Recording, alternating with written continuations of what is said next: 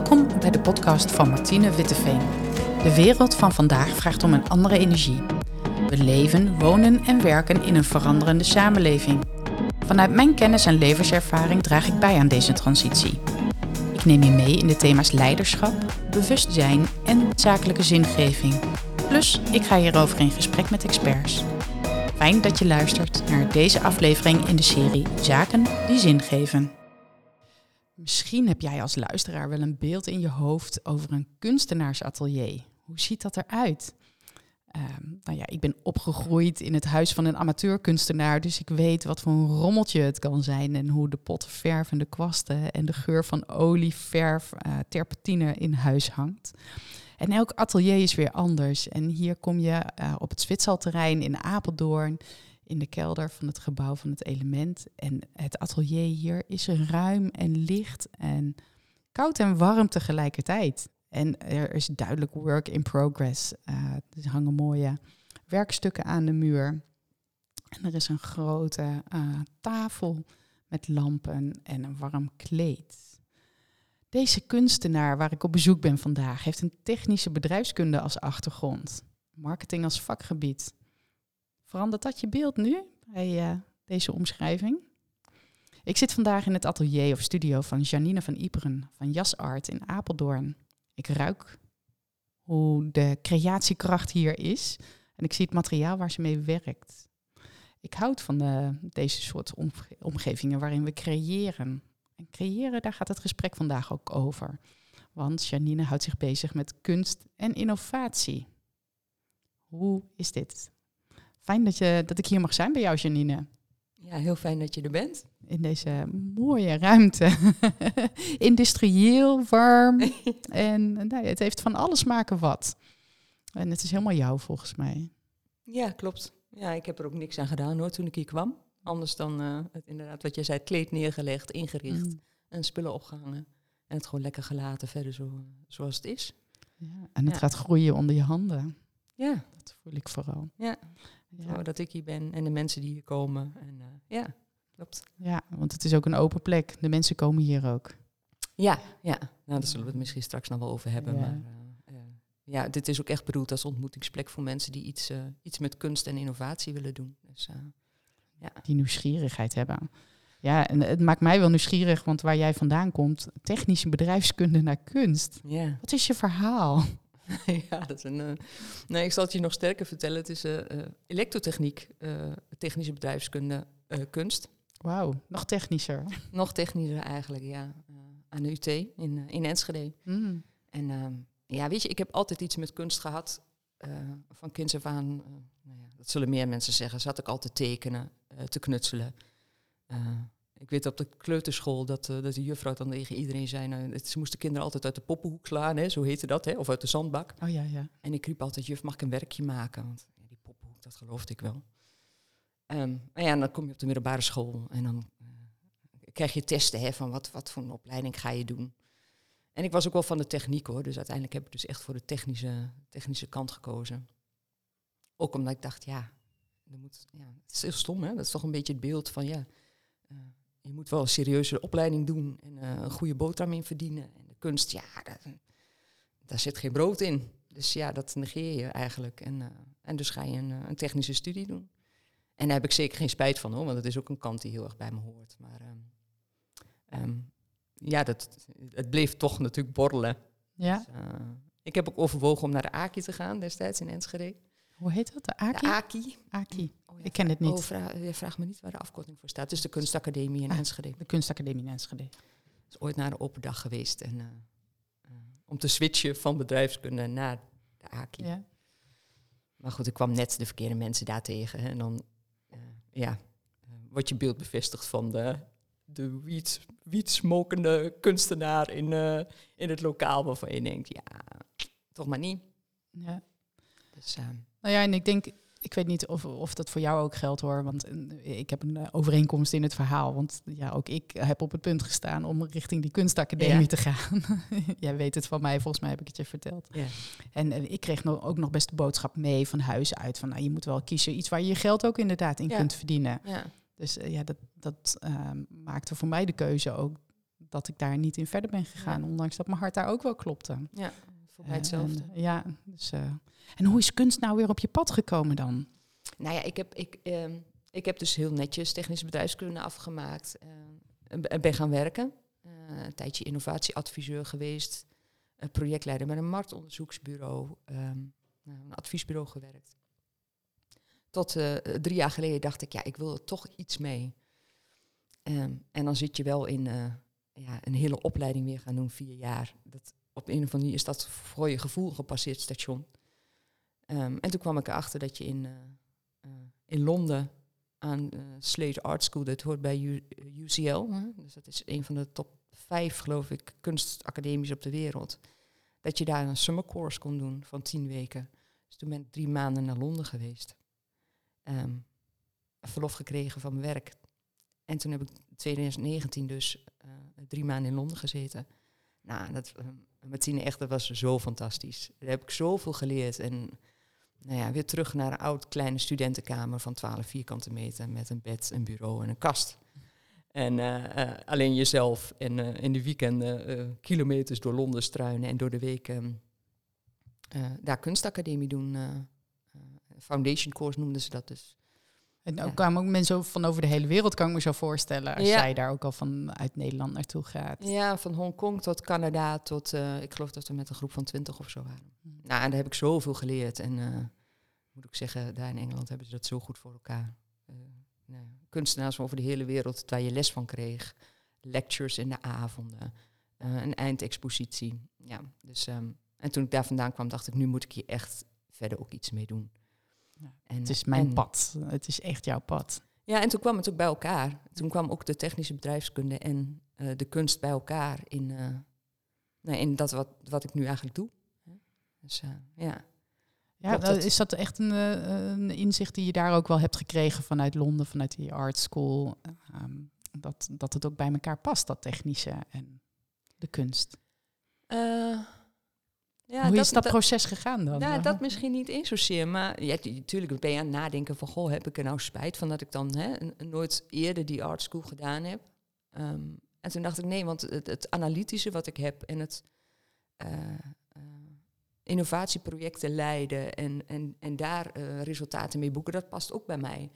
Dus ik denk dat als ik vanaf het begin af aan... vanaf de middelbare school misschien kunstacademie had gedaan... dat ik dat ook wel weer gemist had. Uh, juist dat bedrijfskundige stuk. En nu kan ik het juist combineren. En dat, uh, er zijn heel veel kunstenaars, er zijn heel veel bedrijfskundigen. Uh, maar er zijn weinig mensen die het allebei zijn. Dus um, als ik kunst kan inzetten bij organisaties om innovatievraagstukken op een andere manier te bekijken, dan kan ik dat ook vanuit mijn eigen bedrijfskundige rol en al mijn werkervaring natuurlijk doen. En dat, ja, dat is zo gaaf. Ja. want wat kunnen wij van kunst leren? Um, Hoe kunnen we het meenemen in ons werk en innovaties? Uh, uh, nou, er zijn natuurlijk, misschien dat uh, degene die deze podcast luisteren dat kennen. Je hebt, je hebt um, dingen als art-based learning, dat bestaat al, bestaat al langer. dat is een methode waarin je een kunstwerk gebruikt om een persoonlijk vraagstuk op een andere manier te bekijken. Art-based learning, dus Art-based learning, door kunst leren in ja. het Nederlands vertaald. Ja, ja. ja. Um, en ik, ik heb daar ook uh, een aantal keer zelf even een workshop in gedaan om te kijken hoe dat was. Maar heel eerlijk gezegd gaat mij dat niet diep genoeg. Dat blijft te veel op de oppervlakte. Uh, en ik heb dat omgezet in nou ja, art-based innovation, dus meer voor organisaties. Ja, wat kun je leren? Ik denk dat um, nou ja, jij weet ook, wicked problems, hè, dat hoor je natuurlijk heel vaak, hè, wicked world, wicked problems. Ja, um, ja dat is een moderne term weer voor uh, ingewikkelde problemen. Precies, precies, ja. ja, we moeten alles ingewikkeld maken tegenwoordig. ja, en misschien wordt het ook wel ingewikkelder, ik weet het niet. Hè. Iedereen heeft natuurlijk standpunten, er zijn allerlei uh, dingen die meegewogen moeten worden. Ja. Maar de wicked problems. Maar de oude oplossingen voldoen dus niet altijd meer. Dus je nee. zult op een andere manier naar uh, vraagstukken moeten kijken. Um, en en ook als je kijkt naar, ik heb laatst eens opgezocht, ik heb het lijstje niet bij me, Martine, dus, maar World Economic Forum, uh, mm-hmm. die zegt ook wat in 2025 de top 10 belangrijkste kenmerken zijn van uh, mensen, uh, of competenties hè, in het werk. Ja. Met name door robotica en zo die natuurlijk opkomt.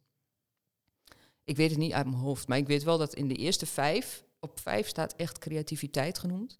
En die andere eerste vier hebben allemaal ook een link met analytisch denken, onlogische verbindingen leggen. Dus alles wat van mensen gevraagd wordt in de toekomst, ja, 2025 is eigenlijk nu. Toch? Ja, het is om de hoek, drie jaar, ja. Dus het is over drie uh... gaat over creativiteit. Dus um, um, en wat ik heel leuk vind om te doen, en dus ook doe met, uh, met mijn artstudio, is mensen um, met kunst anders naar vraagstukken laten kijken en andere inzichten uh, laten opdoen voor die vraagstukken. Dus creatief, het creatief denken, wat kunstenaars hebben, uh, ja, om dat mensen eigenlijk een beetje daar bekend mee te maken. En dat ja. je dat zelf ook kan. En dat je dan dus voor an, naar an, andere oplossingen uh, kunt, kunt gaan. Oké. Okay. Ik, ik snap het gedeeltelijk, maar het is ook nog best abstract. Ja, kun, je, kun, je uitleggen wat er gebeurt als, als je met zo'n team, want je doet het met de organisaties, zo'n workshop art-based innovation doet? Hoe breng je ze naar die creativiteit toe? Kun je het uitleggen? Uh, ja, tuurlijk kan ik het uitleggen. Misschien moeten we even een voorbeeld pakken, dan wordt het inderdaad waarschijnlijk graag, makkelijker. Ik had, vorige week had ik hier een groep in de studio. Um, die bij een organisatie werkt waar de organisatie opnieuw ingedeeld werd. En zij kregen ineens een andere rol in binnen die organisatie. Um, en dat was een zogenaamde kaderstellende rol. Jullie krijgen een kaderstellende rol. Nou, fantastisch. Ja. Ja, wat betekent dat, kaderstellend? Ja, staat leuk maken. in een meerjarenbeleidsplan, maar wat is het dan? Uh, en daar worstelden zij een beetje mee. Um, ze waren, het was niet dat ze van een op ander moment kaderstellend werden, want dat deden ze al wel. Uh, dus ze hadden ook allerlei visiestukken liggen, strategische plannen, waarvan ze zeiden van, nou weet je, dan moeten we misschien maar in een sessie, moeten we al die plannen eens bij elkaar leggen. En kijken wat we daar allemaal ingezet hebben en daar één nieuw plan van maken. Met regeltjes, hè, kaders, regeltjes. Dus heb ik tegen hen gezegd, goh, zou je daar niet eens, durf je het aan om daar eens op een andere manier aan te kijken als een kunstenaar? Laat dat even los. En dan kijken we samen naar een andere manier. Dus uh, uh, nou ja, wat we gedaan hebben in die sessie is um, uh, ik heb, een, ik heb een, uh, filmpjes laten zien van kunstenaars, hoe kunstenaars werken. Bijvoorbeeld Marina Abramovic, ik weet niet of, of je haar kent, maar... Ik niet, maar ja. Maakt niet uit. ze, is een, ze is op zich redelijk bekend. Ze is een Servisch kunstenaar, mm -hmm. kunstenares moet ik zeggen. Um, ergens rond 1940 geloof ik geboren. En nou ja, als je het over kunstenaars hebt, mensen denken vaak... sommige kunstenaars zijn zo gek als een deur. Nou, Marina kun je eigenlijk zeggen, is zo gek als een deur. Mm. Die, die, die doet hele rare experimenten binnen de kunst. Waarin ze zichzelf inzet. Dus om bijvoorbeeld, ze schildert niet, maar wat ze doet bijvoorbeeld is, ze, zij sluit zichzelf op in een kamer. daar legt ze allemaal voorwerpen neer. En dan zegt ze, mensen die die kamer binnenkomen, moeten gewoon met die voorwerpen alles doen op mij wat ze willen. En daar lag ook een, ge een geladen pistool tussen, om maar een voorbeeld te noemen. Mm. mesjes lagen er tussen, allemaal rare dingen. Um, uh, zij, zij probeert uh, te experimenteren door te denken van, goh, wat, wat gebeurt er? Hoe, hoe verloopt zo'n proces? Dus zij werkt eigenlijk, als je naar een kunstenaarseigenschap kijkt, open-ended. Um, ze vertrouwt het proces en ze weet niet wat eruit komt. Mm -hmm. Dus ik heb tegen die groep opgezet, durven jullie het aan om à la Marina Abramovic een open proces in te gaan. Open-ended proces. Dus je weet niet wat eruit komt. Het gaat ergens uitkomen. De enige missie is dat we gaan kijken naar jullie kaderstellende rol. Um, en dat hebben we gedaan. Dus uh, nou, om bijvoorbeeld te noemen, ik heb, ze, ik heb ze eerst laten kijken van wat zijn nou kaders? Hoe kijkt ieder van jullie tegen kaders aan? Kies nou eens een kunstwerk uit, uit een stapel kaarten, wat voor jou kaders aangeeft. Mm. Dus zo kom je een beetje, krijg je de discussie van, nou, de een vindt dat de kader dat is, de ander vindt dat het dat is. En kom eens tot één beeld. Uh, daarna hebben we daarop door geassocieerd met weer een andere oefening. Mm. Um, en uiteindelijk hebben we ook gekeken, je kaderstellende rol, hoe ziet die er dan uit? En nou ja, uh, daar hebben we weer een andere kunstenaarseigenschap voor ingezet. Uh, want uh, ja, wat kunstenaars ook heel goed doen, is, is jatten. jatten. jatten. Stelen. Stelen. Letterlijk. Jatten. Ja, en een jatten is niet kopiëren. Het is geen plagiaat. is geen plagiaat. Jatten nee. is voortborduren. Iemand anders een idee pakken en daarop voortborduren. Ja, ja. En daar je eigen schwung aan geven. Um, dus als echt goed, in de jat, goed jattende kunstenaars uh, heeft de groep uh, ook als onderdeel van die workshop uh, gekeken hoe andere professies omgaan met een kaderstellende rol. Um, ik had ze vier professies gegeven, van Afrikaans stamhoofd tot een kleuterleidster tot een wijkagent. En gaan ze groepjes aan de slag en kijken eens hoe zij dat doen. En vertaal dat terug naar je eigen je eigen rol. Wat wil jij daaruit pikken? Hoe wil jij gezien worden? Ehm, en eind van de workshop hadden we dus de bouwstenen voor hun rol, voor het type kaders dat ze daarbij willen stellen. En de middelen die ze in willen zetten. Dus ehm, ja, dus het is echt een, een, een beetje een creatief proces. Ja, uh, met twee belangrijke eigenschappen van kunstenaars die je meeneemt, hoor ik. Dat open eind uh, uh, ja. denken, doen, het proces vertrouwen. Dat ja. wat eruit komt is wat je nodig gaat hebben. Ja. En ja, kijk ook vooral bij anderen hoe ze het doen en gebruik daarvan wat je nodig, wat je, wat je toe kunt passen. Ja. En de, de, ik, um, de eigenschappen die, we in, die ik inzet zijn elke keer anders. Dus dit is een voorbeeld van twee eigenschappen. Um, omdat die het beste paste bij het vraagstuk wat die groep had. Ja. Um, maar ik ga altijd met een bedrijf dan eerst kijken van... Joh, wat voor vraagstuk heb je? wat is het dilemma waar je tegenaan loopt? Ja. En afhankelijk daarvan zetten we dan verschillende eigenschappen in. Um, want er zijn ongeveer negen of tien. En uh, de, die je inzet, tenminste die ik gedefinieerd heb bij een kunstenaar... Ja. die je inzet zijn maar net afhankelijk van het dilemma waar je tegenaan loopt. En kun je een voorbeeld geven van andere eigenschappen? Je hoeft ze niet alle tien op te noemen, maar je hebt nu open eind, uh, jatten. Uh, sceptisch is er bijvoorbeeld één. Een kunstenaar is heel goed in vragen waarom, waarom, waarom, waarom. Uh, ja. Klinkt als een, een, klein kind. Waarom dan? nou ja, in Londen was dat was wel heel leuk. Ik, ik moest daar heel erg aan wennen. Ik kwam natuurlijk echt uit die bedrijfskundewereld. En die docenten daar die zeiden tegen mij elke keer, maar ja, waarom? Waarom wil je iets schilderen? Waarom gebruik je dat kleurtje? Waarom hang je dat schilderij hierop? Waarom dat materiaal? Waarom dat ik dacht, hou nou toch eens op met je, waarom? Maar het, het, het, het helpt je wel om te denken, waarom, bij elk stapje wat je doet, waarom doe ik dat? En wat draagt dat bij aan het doel wat ik wil bereiken of de boodschap die ik wil uitdragen als kunstenaar? Mm. Dus dat is een, een eigenschap. Uh, ondernemend zijn is, is een eigenschap, wat natuurlijk voor organisaties misschien dichterbij ligt.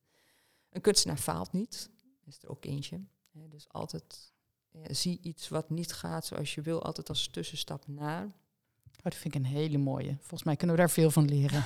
je kunt nooit falen. ja. ja. Het is gewoon doen en bijsturen of aanpassen en weer verder gaan. Ja. En nieuwsgierigheid is er natuurlijk ook. En dan oprechte nieuwsgierigheid. Hè? Uh, dus niet vragen om ondertussen eigenlijk het antwoord al te bedenken, maar echt oprecht nieuwsgierig zijn. Uh, en onlogische verbindingen leggen.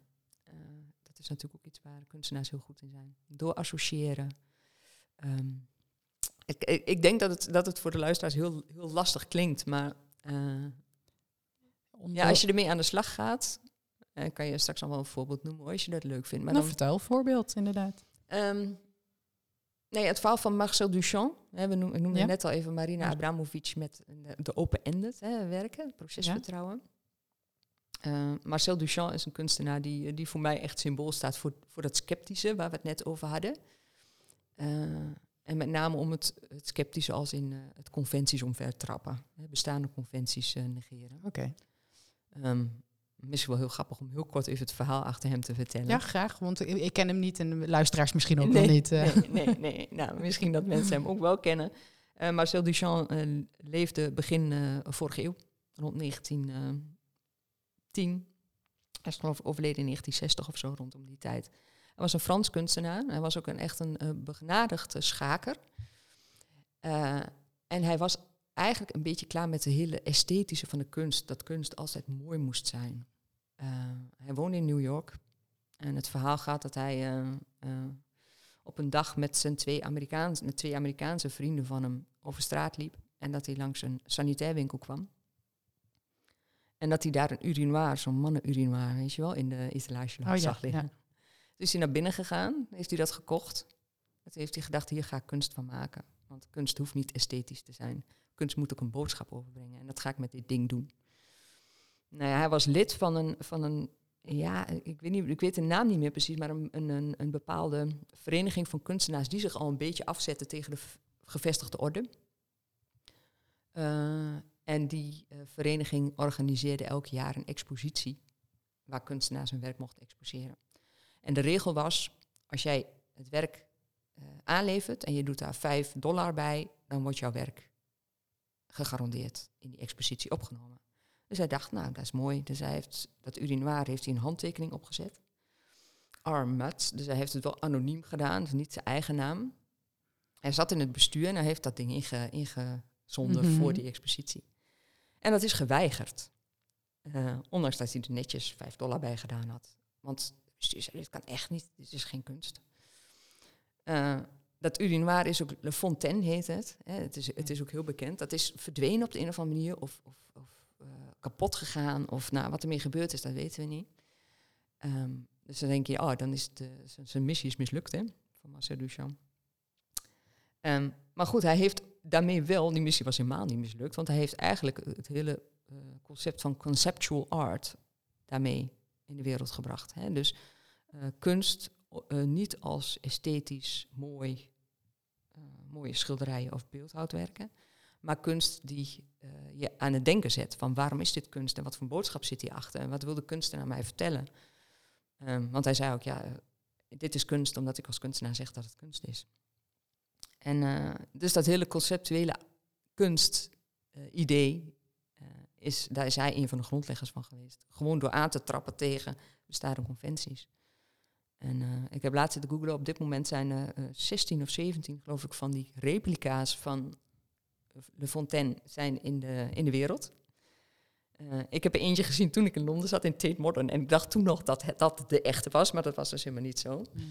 Sommige zijn ook in privébezit, dus die kun je niet zien. Maar in verschillende musea over de wereld kun je, kun je eh, die toiletpot eh, zien. Nou, dat is toch... Ja, dat, ja, ik vind dat fantastisch als je dat verhaal daarachter weet. En, en dat vertaalt naar jouw eigen bedrijfs- of organisatieomgeving. Dan kun je daar mooie oefeningen mee doen. Hè? Dan kun je, misschien is dat een leuke, een leuke oefening die de luisteraars eens zouden kunnen doen met een eigen... hè, eh, een- Ja, eigen kijk eens in je bedrijf naar wat daar is, wat je op een andere manier kunt gaan bekijken. Ja, kijk Of eens in. naar, ja, kijk eens naar jouw, jouw bedrijf waar je in zit inderdaad. Of misschien je eigen bedrijf. En schrijf nou eens op bijvoorbeeld, dat nou, wat zijn nou alle conventies, je bestaande conventies? En dat kan van alles zijn, hè? Eh, voor wie werk ik? Waar werk ik? Vanuit welk kantoor werk ik? Oh, ik werk vanuit een kantoor. Ik doe alles online. Wettelijke regels waar je mee te maken hebt. In wezen is eigenlijk alles wat je in je bedrijfspitch hebt staan, is eigenlijk een bepaalde aanname. Mhm. Eh, Ja. En je zegt dan van, eh, leg die eens onder de loep. Precies, streep er eens eentje weg en kijk bijvoorbeeld eens wat er gebeurt als je die wegstreept. En wat, wat je dan anders zou doen in je bedrijf of welke mogelijkheden zich dan voordoen. Nou, Dus, eh, Dus ik kan me voorstellen dat, dat je een bepaalde klantendoelgroep in gedachten hebt. En Stel Precies. dat je die eens doorstreept. Wat gebeurt er dan? Ja. Waar, waar, ga je dan, waar gaat je energie dan naartoe? Naar je aandacht naartoe? Wie Ja. zou je dan aantrekken Ja. voor jouw bedrijf? ja, Dus, of eh, als je zegt, oh, ik werk altijd vanuit, eh, ik heb drie kantoren op verschillende plekken in het land. En oh, kantoor, waarom werk je eigenlijk vanuit kantoor? Waarom heb je van die grote kantoren? Waarom zoek je, hè? Eh, werk je niet vanuit anders? Of werk je bij een klant? Of een, nou ja, zo komen er allerlei eh, ideeën en inzichten natuurlijk in je op die je zou kunnen gebruiken.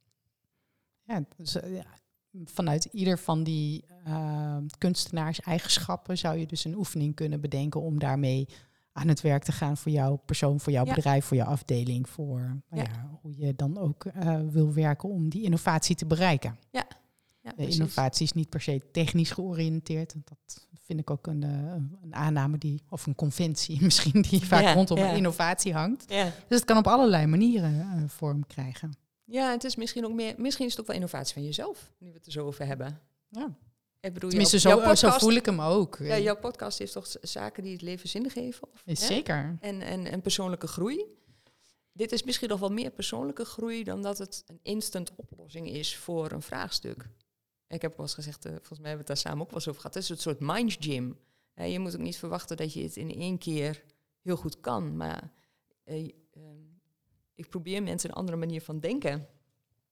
Ja, dat klinkt heel, heel kleuterleidsterig, maar, maar bij te brengen of zo. Maar Eh, Te laten ervaren, te laten zien, te laten voelen wat het kan brengen. En ja, dan- dat zeg je heel mooi. Ja, dat zeg je beter Ja. dan ik. Ja. Dus het is, het is misschien wel meer persoonlijke anders. groei. Niks is beter. ja, het is anders. Je zegt het wel meer met het woord wat ik zocht, ja. Ja, want je laat het gewoon ervaren. En door te ervaren leren we. Ja. En daardoor kun je inderdaad die mind gym eh, beter Ja. eh, voelen of het bij je past of niet. Hetzelfde als mediteren. Mediteren denken mensen ehm, Ja. ook, of het is de aanname, oh je moet op een kussen zitten, stil zijn met je ogen dicht. Ja. Maar als je heel veel wandelt, dat is een meditatie op zich. Klopt. Ehm, dus het is de vorm ook zoeken die bij je past wellicht. Ja, ja, ja. Hmm, dus jouw mind gym kun je op verschillende manieren inzetten voor elk van die onderdelen van die kunstenaarseigenschappen. Ja. En, en wa- wat is nou de kunstenaar? eh, Misschien, ja, ik, wo- ik word er gewoon nieuwsgierig naar. Van welke kunstenaar heb jij nou veel geleerd om je mind gym toe te passen? Ja, eigenlijk wel van meerdere hoor. Maar het zit wel met name in, ehm, in de kunstenaars die misschien ja, net, net anders zijn geweest, of, of- voor hun tijd, dan. eh, klinkt, klinkt stom dan de reguliere kunstenaar.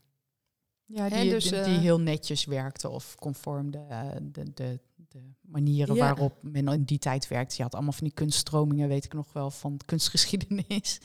Eh, als je daar uitstapt en net wat anders gaat doen. Ja, en daar ben ik heel slecht in hoor. De kunstgeschiedenis, als je me vraagt, oh, impressionisme en nou, noem al die stromingen op. Ik heb het geprobeerd om het. Ik, ik, ik onthoud het gewoon niet. Ik, ik weet het niet. Ik, Nee, nou, één, één die mij altijd heel eh, duidelijk is bijgebleven. Ik heb ook kunstgeschiedenis gehad op middelbaar onderwijs. Om, voordat ik, Ja. het geval dat ik misschien naar die kunstacademie zou, zou gaan. Is eh, het expressionisme. Die sprak mij heel erg aan. En volgens mij heeft dat ook te maken met wat jij benoemt. Buiten die gevestigde kaders gaan. Ik, ha- ik ben echt een enorm fan van Picasso. ja. En ik heb ooit eens een overzichtstentoonstelling van hem gezien... waarin die hele nette gestileerde landschappen schilderde. En je zijn ontwikkeling helemaal zag van eh, het echte, ehm, eh, hoe noem je dat, eh, realisme... naar het hele abstracte en bijna absurde abstracties die hij maakt... vanuit verschillende hoeken en angles van Ja. alles schilderen. Ja. En dat, dat proces blijft mij, is mij heel goed bijgebleven, omdat ik het heel kenmerkend vind voor het proces waar je als mens ook in kunt zitten of zo. Om jezelf te innoveren, om elke keer je uit te dagen, om op andere manieren naar zaken te kijken en eh, uit te voeren of te doen of uit te proberen. Ja. Eh, voor mij is dat die mind gym. Ja, grappig dat je het zegt, want Picasso is ook een van de voorbeelden die ook in mijn, in mijn programma zit. Oh echt? Als jattende kunstenaar. Ja, Ja. wist je dat? Dat hij ook heel goed gejat heeft. Ongetwijfeld. Eh, Die, Dat eh, is me iets minder bijgebleven, maar dat, dat verbaast me niks. Het hele bekende werk van hem, waarin hij die kleine tekeningetjes heeft, waar die stier steeds stilistischer wordt. Ja? Die ken je ongetwijfeld. Ja. Die heeft hij gejat eigenlijk van een, van een kunstenaar die stierengevechten tekende. Dus daar is hij mee begonnen, met precies zo'nzelfde stier na te tekenen als dat hij deed. Alleen hij heeft hem steeds, uiteindelijk wat, hè, was het de stier die misschien uit, eh, Mhm. uit vijf lijntjes of zo bestond. Hè? Dus Hij heeft hem helemaal teruggebracht, helemaal Precies. gereduceerd. ja. precies, ja. Wat Mon- Mondriaan uiteindelijk ook heeft gedaan, want die heeft ook die ontwikkeling van realisme naar nou, de vlakken en lijnen eh, eh, doorgemaakt. Ja, dus het zijn, het zijn met name de kunstenaars die, nou ja, wat je ook zegt, die een ontwikkeling hebben doorgemaakt. Of die eh, misschien wel, want dat, dat zie je wel heel veel met die stromingen. Hè? Dat, een stroming eindigt of gaat over een andere stroming, doordat er ergens iemand is die het anders doet dan de rest. En eh, daar, daar ontstaat weer een nieuwe, een nieuwe stroming door. En eh, zo, zijn er heel veel voorbeelden, denk ik, die, eh, van kunstenaars die dat. Ja, welke tips zou je mensen meegeven om eens naar te kijken als ze geïnteresseerd zijn om, nou ja, ik noemde al Picasso, zijn er nog andere kunstenaars die jou zo in het hoofd oppoppen van, nou, bekijk die ook eens qua ontwikkeling? Ehm, ja, dat vind, ik, dat vind ik een hele moeilijke vraag. Ik denk dat dat heel persoonlijk is. Wat je aanspreekt of niet eh, Mhm. in een bepaalde kunstenaar. Ehm, maar eh, eh, het leukste zou eigenlijk zijn om eens ehm, eh, dan toch eens naar een museum te gaan en daar er eens een aantal uit te pikken. En dan eigenlijk moet je dan ook, tenminste dat is mijn, mijn ervaring toen ik met kunst begon, gewoon eens met, een, met zo'n zo'n tour rondgaan. Want dat, dat heeft mij ook Met een gids die wat Ja. vertelt over de schilderijen. Ja, en dat of- klinkt of de heel- kunstwerken die je ziet. Precies, dat klinkt heel tuttig. Maar dat heeft voor mij wel gemaakt dat eh, bijvoorbeeld in Tate Modern eh, werken waar ik gewoon straal langs liep. Eh, en toen ging ik er met de gids nog een keer langs en die vertelde er iets over. Dat ik dacht, "Fip, jeetje, dat zit daar een gaaf verhaal achter. Ik had het net niet eens zien staan of zien hangen. En daar zit toch een, een hele grote boodschap achter. Dus Ja. Dus naar die verhalen leren luisteren. Ja, en dat is lastig hoor. Want ik, ik geef eerlijk toe dat er heel veel kunstenaars zijn die. Ik snap, ik, snap er soms ook helemaal niks van. Uh, ik weet dat ik van uh, een boekje heb aangeschaft um, van een, een, kunstacademie in Nederland. Ik zal niet zeggen welke, want dat is niet helemaal eerlijk. Waar honderd afstudeerders in stonden. En hun werk stond erin en daaronder stond dan een stukje geschreven over nou ja, wat het verhaal achter dat werk is. Nou ja, meteen ik heb gestudeerd, maar ik snapte er helemaal geen drol van. Er waren er van de honderd, waren er vier waarvan ik dacht, ach, ik snap wat je bedoelt. En van die andere 96 moest ik het drie keer lezen en dacht ik nog, wat? Hmm. Um, en dat vind ik jammer. Ik vind wel dat kunstenaars, echt goede kunstenaars, um, nou ja, er zijn uh, uh, Damien Hirst, uh, nou ja, Marina Abramovic noemde ik net al. En zo zijn er nog veel meer. Die kan, die kan een boodschap overbrengen. Die komt uit zijn ja, misschien stoot ik nou heel veel kunstenaars tegen het hoofd, maar dat is maar niet mijn bedoeling. Maar uh, die, komt uit zijn kokon of zo. En die kan het, ja, die kan ook aan een, aan een breder publiek laten, laten zien wat hij met kunst bedoelt. En dan wordt kunst ook voor veel meer mensen interessant. En dan leer je er ook veel meer van. Uh, dan wanneer het uh, ja, zo heel abstract blijft. Of een kunstenaar het heel erg bij zichzelf houdt. Ja, ik hoor bijna ook een soort van, je bent ook verplicht als kunstenaar om die uitleg te geven, om het, om het te maken voor een breder publiek en niet voor een niche die misschien in jou geïnteresseerd is of in die stroming geïnteresseerd is. Want het kan zoveel betekenen voor veel mensen. Ja, en dat probeer ik zelf ook, want ja, ik maak natuurlijk zelf ook kunst en dan probeer ik met mijn eigen kunst probeer ik dat ook te doen. Dus um, nou ja, je hebt. Kun je, kun je beschrijven wat je maakt? Dat is wel leuk, hè? Je kunt het zien natuurlijk op jouw website. Ja, uh, ja op de, en op de social media. Maar um, het voor de luisteraars beschrijven. Oeh, dat, dat, is moeilijk. Ja, ik probeer wel. Um, er is natuurlijk hier een expositietje ook van mij hè, in, uh, op het ja, Zwitserland terrein hier, hierboven. Ja. Um, en elk, elk van mijn werken is ook voorzien van een verhaaltje wat erbij hangt. Uh, van wat ik daarmee wil zeggen. Um, en ik ben niet het type kunstenaar dat zegt wat veel kunstenaars zeggen. Je mag erin zien wat je erin wil zien. Ik laat dat helemaal aan jou. Uh, want dat vind ik altijd een beetje. Ja, voor heel veel mensen is dat te lastig. Um, en terecht, denk ik. Ik laat het wel een gedeelte aan, maar er hangt wel een verhaal bij. Dus um, nou ja, om een voorbeeld te noemen, er hangt een, een, of er staat een kunstwerk van mij boven, wat een, uh, is lastig om te omschrijven, natuurlijk een sokkel is, een witte sokkel, waar een spotje boven hangt die ook wel uitlicht. En daarachter hangt een, bordje met uh, dit product uh, is het meest gekozen tot het meest duurzame product uh, op dit moment. Um, en er staat niks op die sokkel. Die sokkel is leeg. En um, er hangt een verhaal bij waar, waar ik dus de kijker vraag om na te denken over wat is nou eigenlijk een duurzaam product? Bestaat dat überhaupt wel? Want we hebben zoveel producten op deze wereld die ja, hoeveel biologische t-shirts heb je nog nodig? Of hoeveel uh, fair trade gemaakte uh, katoenen tasjes? Of, dus het is leuk, maar is het niet toch eigenlijk nog een commerciële truc van heel veel bedrijven om te zeggen, ah, dit is allemaal duurzaam gemaakt.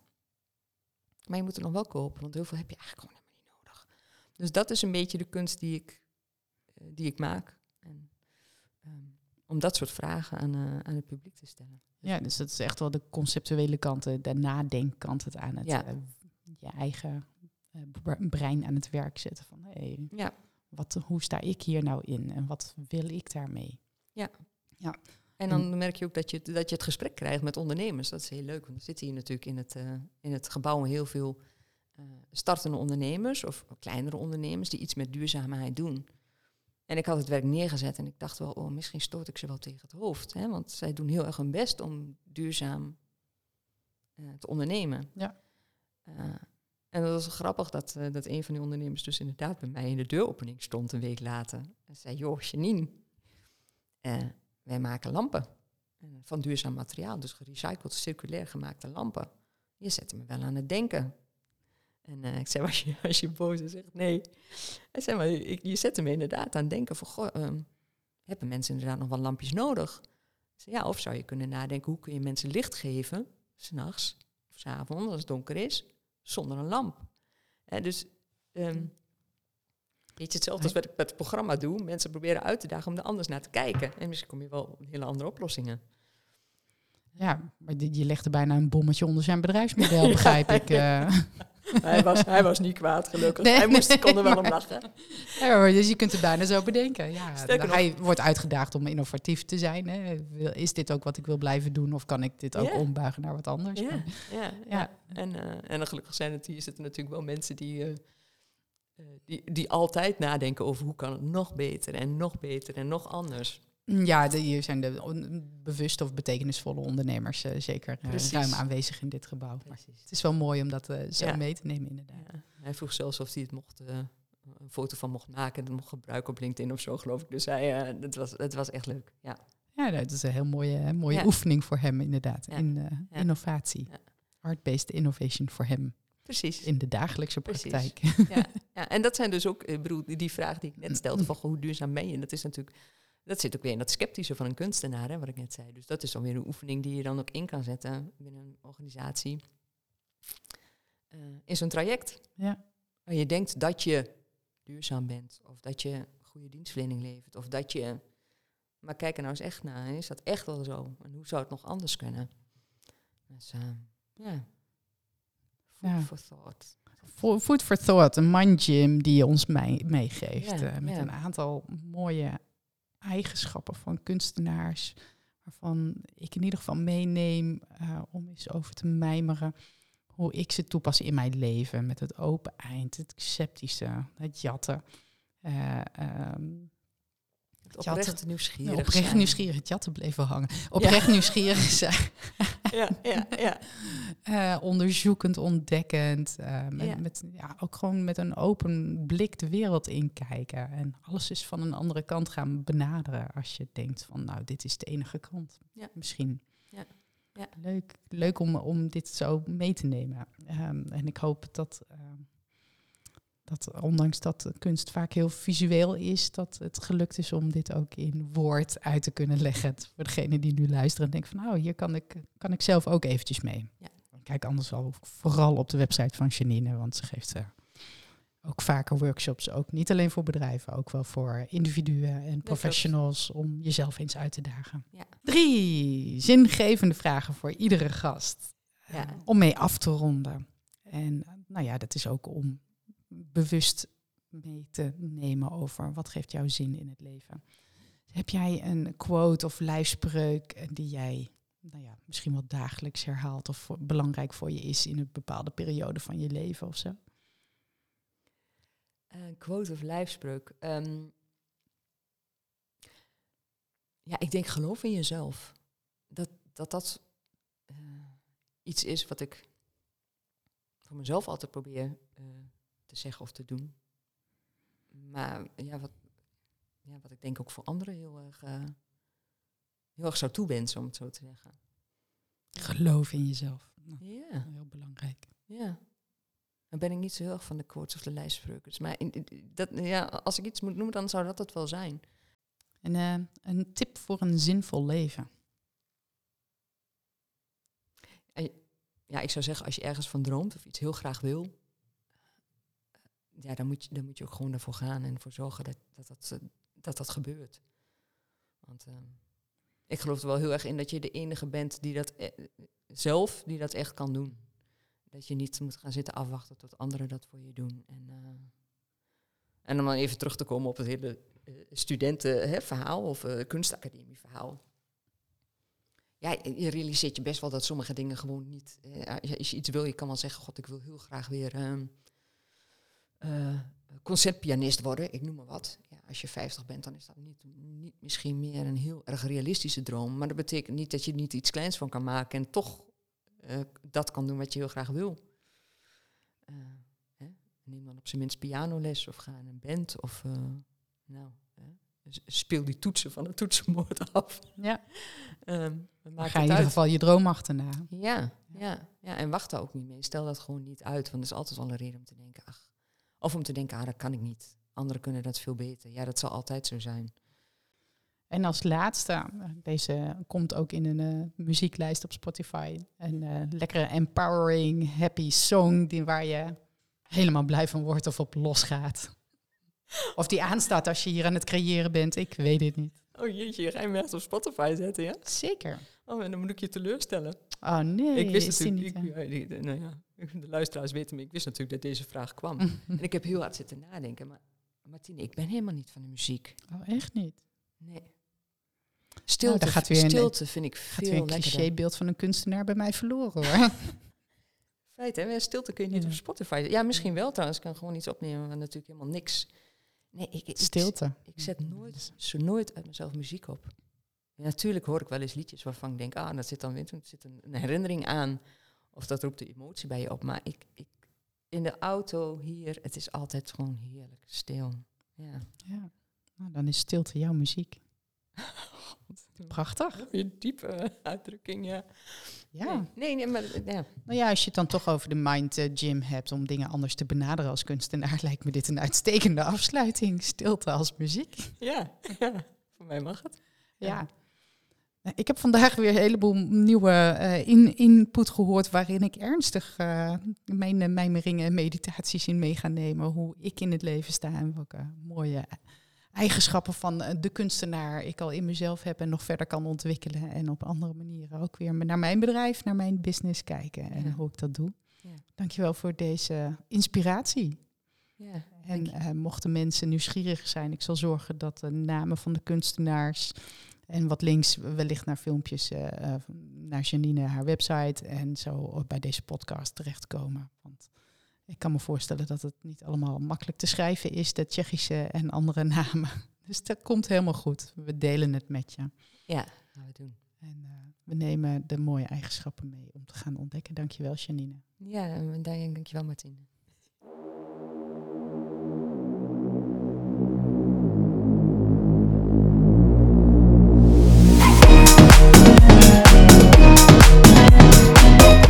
Dat je luisterde naar deze podcast in de serie van Zaken die zin geven. Een review van deze podcast of het delen op sociale media wordt zeer gewaardeerd. Deze podcast is gemaakt door Martine Witteveen. De tunes en productie zijn in handen van Twan Kemp. Elke vrijdag is er een nieuwe aflevering beschikbaar via de bekende podcastkanalen. Tot de volgende keer.